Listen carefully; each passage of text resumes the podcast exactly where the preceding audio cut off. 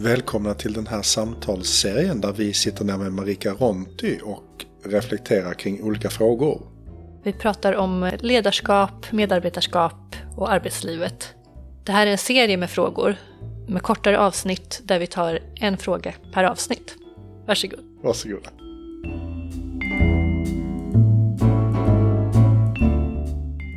Då har vi en fråga som handlar om, eh, eller som lyder så här. Jag vill gärna få tips om hur man skapar en känsla av trygghet för medarbetare så att de vågar uttrycka sig i en grupp där människor undviker att säga vad de tycker. Det vill säga, hur ska man göra för att bryta en tystnadskultur? Mm. Det är en fråga som vi har fått in. Mm. Mm.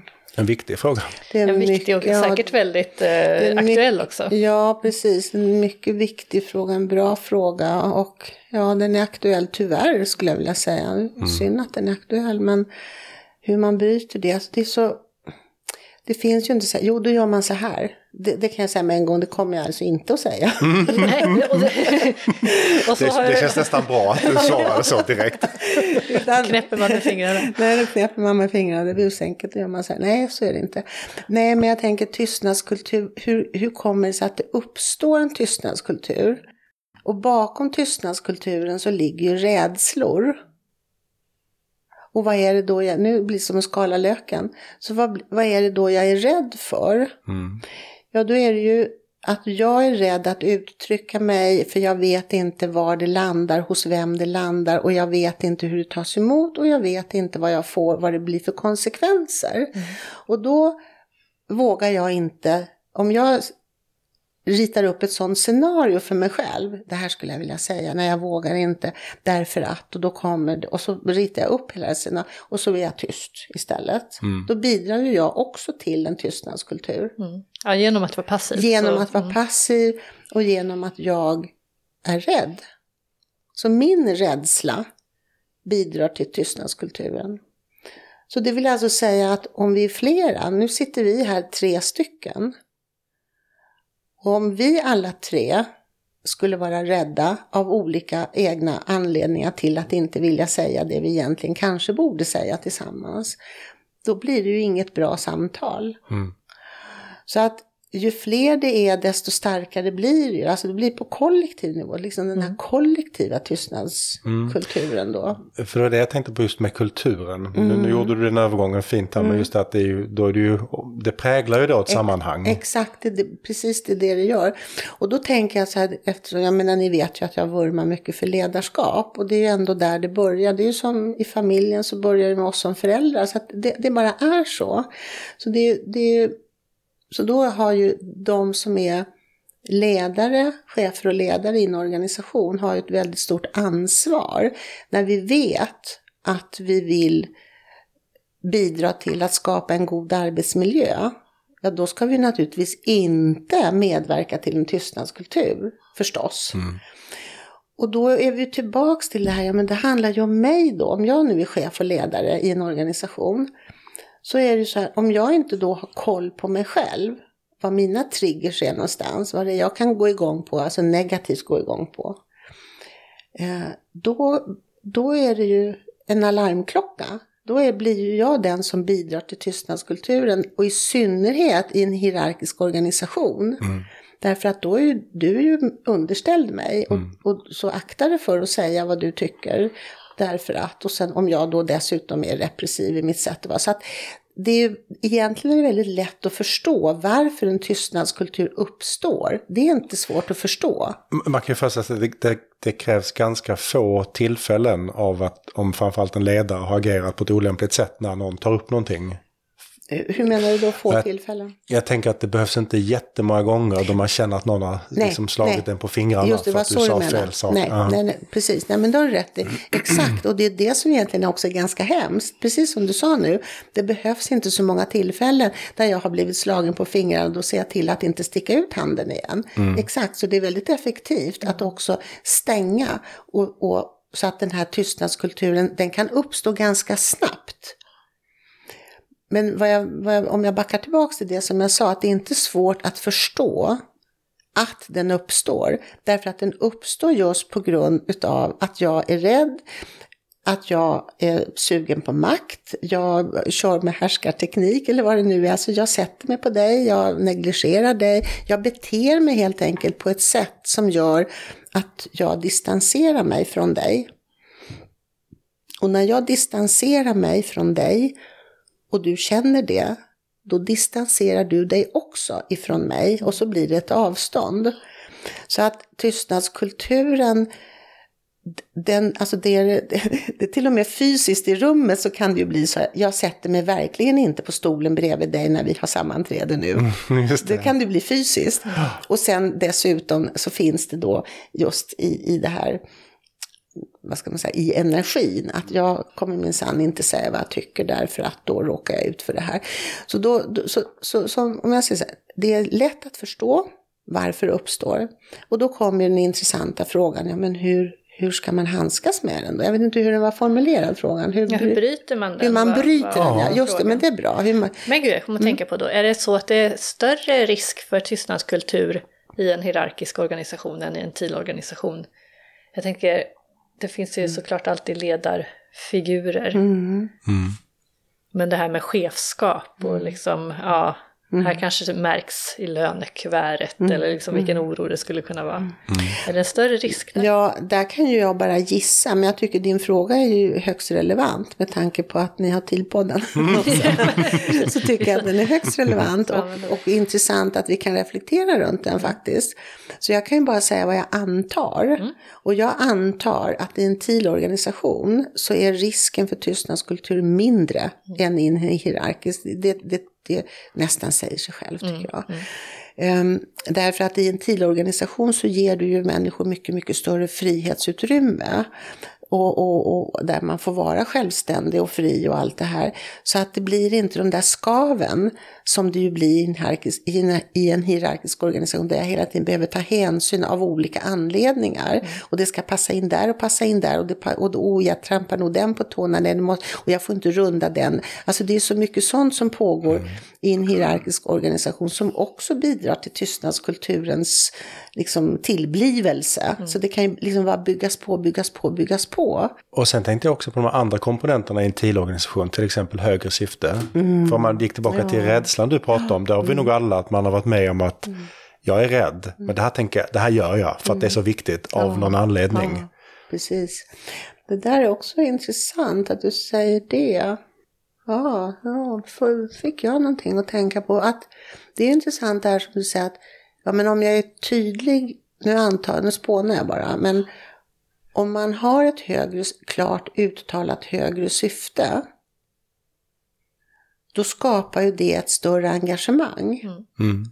Vilket gör att, det, att jag tar på mig ett stort ansvar, för jag är så engagerad, jag mm. tror så mycket på det här. Så nu tar jag det här ansvaret, jag, jag, jag går in för min uppgift. Och då är jag så hängiven min uppgift så att det finns inget utrymme att vara på min vakt mot dig.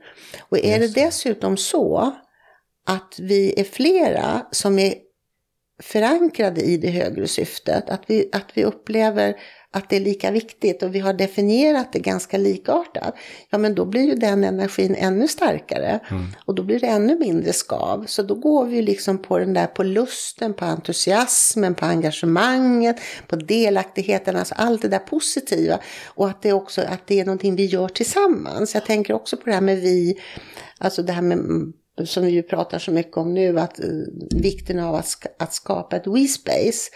Men det kräver ju också väldigt mycket, eh, vad ska man säga, det, det, kräver personer med inte alltför stora egon.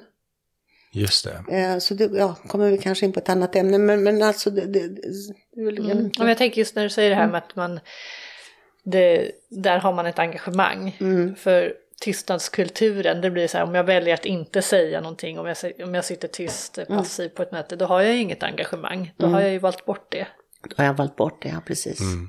Det, då det är svårt att, del, vara liksom en del av en tystnadskultur och känna sig jätteengagerad. Men vet du Maria, där säger du någonting viktigt. Där säger du någonting viktigt. Då har jag valt bort det.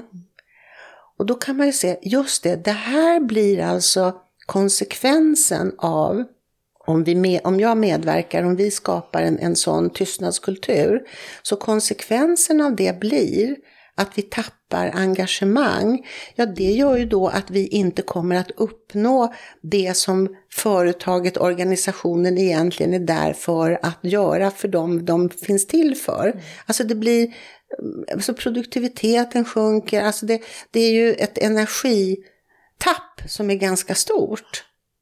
Mm. Verkligen. Det är jätteallvarligt faktiskt. Mm. Ja, för alla som har suttit i ett tyst Teamsmöte någon gång vet ju hur mm. Mm. Mm. det är ganska otrevligt. Mm. Men, men om, man, om man bara om man liksom vill knyta ihop säcken kring det här med tystnadskultur så, så, så kan man ju, tycker jag i alla fall, skulle jag vilja säga så här, att det handlar om eh, rädsla. Mm. Och rädsla för att jag blir, får repressalier eller eh, för att jag säger vad jag tycker. Eh, och då är det en del av en kultur som har skapats och som jag naturligtvis också har varit medskapare till. Men då är det ju just också det här, vilket pris är jag beredd att betala för att också våga säga det jag egentligen tycker. För att om det är så att jag, för det, det är också så här, jag, jag kanske känner mig så stark i mig själv och även oberoende. Det är väldigt få som är oberoende idag som, som kan tänka så här, nej men ja, det här står jag för och är det så att det inte passar, nej men då, då drar jag. Mm. Alltså det är ju underbart om det skulle vara så, om vi hade haft en sån arbetsmarknad. För då tror jag det skulle vara mycket bättre faktiskt. Mm. För då kan jag, ja men jag står upp för det här. Och, och, om du inte kan ta det och inte ens är beredd att föra en dialog med mig om detta, att du inte ens är beredd att höra att det kanske ligger någonting i det jag säger, då, då är jag ju på fel ställe. Mm. För jag vill vara i ett sammanhang där vi respekterar varandras åsikter. Det behöver inte betyda att vi tycker likadant. Att vi, vi behöver inte tänka likadant. Men det, vi måste lämna ett utrymme för varandras tankar och ha respekt för att vi tänker olika. Och i den här olikheten kanske vi hittar ett guldkorn. Just, Exakt, och vi hittar en lösning på ett problem. Ja, och... därför, att, därför att jag, då kommer vi in på, därför att jag är prestigelös. Mm. Men när jag är väldigt prestigefylld, då bidrar ju det också till tystnadskulturen. Men kan man tänka att om man får upp på bordet den som, som tänker på den här situationen, man får upp på bordet tydligt vad är det jag är rädd för. Mm. Vad är det konkret jag är rädd för ska hända om jag mm. lyfter upp den här saken? Ja, alltså en sak som jag helt naturligt är rädd för det är ju att åh, jag gör bort mig. Ehm, jag visar på mina brister. Ehm, jag visar kanske min okunnighet, ja det är ju en brist. Jag, jag gör bort mig helt enkelt. Mm. Det är ju min rädsla. Den andra rädslan som jag har det är ju att det, det jag säger, att det tas emot utav dig på ett sätt som jag inte är beredd och, och ta emot själv. Mm. Alltså du kanske behandlar mig ignorant eller att du gör en min eller att du till och med skäller på mig eller, eller någonting annat. Och det, jag, klarar inte, jag kan inte hantera det. Och då vet jag inte riktigt hur jag kommer att reagera. Och, och då kan jag sitta och fantisera att jag kanske börjar storgråta eller jag kanske blir jätteförbannad. Och den risken vågar jag inte ta. Jag kan hinna fantisera ganska mm. mycket. Men bakom allt det här så handlar det om rädslor och osäkerhet. Och, och det, är ju, det, är liksom, det handlar om mig och det handlar om dig och det handlar om vårt samspel. Men det handlar också om allas vårt samspel, just när man sitter i en, i en grupp, när man har ett möte till exempel. Så det är ju man har otroligt, alla har ett otroligt stort ansvar och idag när vi pratar så mycket om psykologisk trygghet. Men den kan ju bara uppstå om vi har den här respekten för varandra. Att här, här lägger vi korten på borden. Här, här, jag säger så här tänker jag, så här tycker jag. Jag, tänk, jag sa, du sa att jag tänker, men alltså jag, jag visar upp vad jag står i frågan. Och det enda jag önskar det är att bli bemött med respekt för att jag tänker just så här. Och att det kanske till och med kan vara ett bidrag till att vi kan expandera tillsammans. Mm. Och, och, så att det här med psykologisk trygghet är ju egentligen en sån här självklarhet. Att det är klart vi måste skapa det, men det beror ju just på hur jag beter mig. Och då kommer vi tillbaks till ruta ett, nämligen men hur väl känner jag mig själv egentligen? Då är vi tillbaks där. Det, det är det det handlar om. Hur trygg är jag i mig själv? Och den tryggheten, tänker du, för jag, för jag tänker på mm. sista meningen i den här frågan, mm. hur ska man göra för att bryta en tystnadskultur? Ja. Handlar det om att någon i den här gruppen ja. behöver vara den som säger, vet ni vad jag känner, det här, nu är det lite, nu, nu har vi lite tyst här, nu är det mm. någonting som, mm. mm. som skaver lite. Är det liksom mm. bara att någon behöver våga det? Ja, och, och det jag tycker om är det du sa nu, precis. Vet ni, så här, nej, du sa det så bra. Det. Nu, det har jag redan glömt. Du har redan glömt det. Ja, så här, du spela tillbaka, spela tillbaka. Du kan inte göra det va? nej, men, nej men alltså så här, vet ni, jag skulle vilja tala om hur jag, hur jag upplever, hur jag känner mm. och upplever eh, vårt möte. Mm. Finns, finns det utrymme för det? Skulle, om jag skulle säga så till exempel, eller du då mm. Maria, mm. så är jag ju säker på att några skulle skruva på sig och tycka mm. så. Medan någon skulle tycka, Åh, vad spännande. Ja, det hoppas jag att jag också kan få bidra till. Men jag ser först vad som händer när Maria nu har sagt det här. Mm, mm. Men, men det är precis det, någon måste våga. Och då tänker jag på, hur, hur var den formulerad från mot slutet? För jag tycker det var kul. Hur ska man göra för att bryta man, en tystnadskultur? Just det, hur ska man göra för att bryta en tystnadskultur? Då är det det, som du sa, det är ett sätt att göra det på. Mm. Och du har redan bestämt dig för att jag gör det här på det här sättet. Det är väldigt, väldigt egentligen ofarligt och säger precis som du sa. För du utgår från dig. Mm. Så här upplever jag det, kan vi prata om det? Och Marika, du la också till den här frågan, finns det utrymme för mig att ja. berätta om det? Det ja. gör det ännu mer. Det är ännu mer, Så att gruppen Precis. måste säga, ja. antingen säga nej, vi vill inte höra hur du upplever. Nej. Bra, men då vet jag. Ja, då, Ni vill inte höra. Det. Eller så, tystare. Kanske, exakt. Men, men då är man ju verkligen tillbaka där. Okej, okay, då fanns inte det just, platsen. Nej, liksom. exakt. Mm. Nej, men precis så. Därför att just det, för när jag, säger, när jag frågar, ställer den frågan, då är det ju väldigt, det är väldigt svårt att säga nej. Utan Exakt. Det, det, det, det, och jag utgår ju från mig, jag anklagar ju ingen, utan jag har det här behovet. Och är det någon, finns det utrymme för det, att vi kan prata om det? Så, så det är ett sätt att bryta det på. Ett annat sätt skulle ju också kunna vara, låt säga att du och jag Maria, vi, vi ingår i den här gruppen. Och jag, du och jag pratar ganska mycket med varandra, så vi vet ungefär ehm, hur, hur vi upplever gruppen och vi vet till och med vem som kan trigga oss. Och så tycker vi att det här är synd för att det lägger sordi på hela vår, på vår, vår grupp eller våra sammanträden. Det är en del av en kultur som vi egentligen inte vill delta i och så. Då kan ju du och jag prata, prata ihop oss och säga så här, du, hur ska vi bryta det här? Kan vi hjälpas åt på något sätt? Ja, säger du då, jag tänker säga så här. Då, då säger jag, vad bra Maria, då hänger jag på dig där. Just det, man skaffar mm. sig en bundsförvant. Man skaffar sig en Då hänger jag på dig. Och vi kanske till och med har Fredrik som är med i samma grupp. Då säger du Fredrik, nu har vi pratat är du med på Ja, då, då, har vi, då kan vi gå in lite lugna. Då är vi tre stycken som kommer att ta upp det här på det här sättet.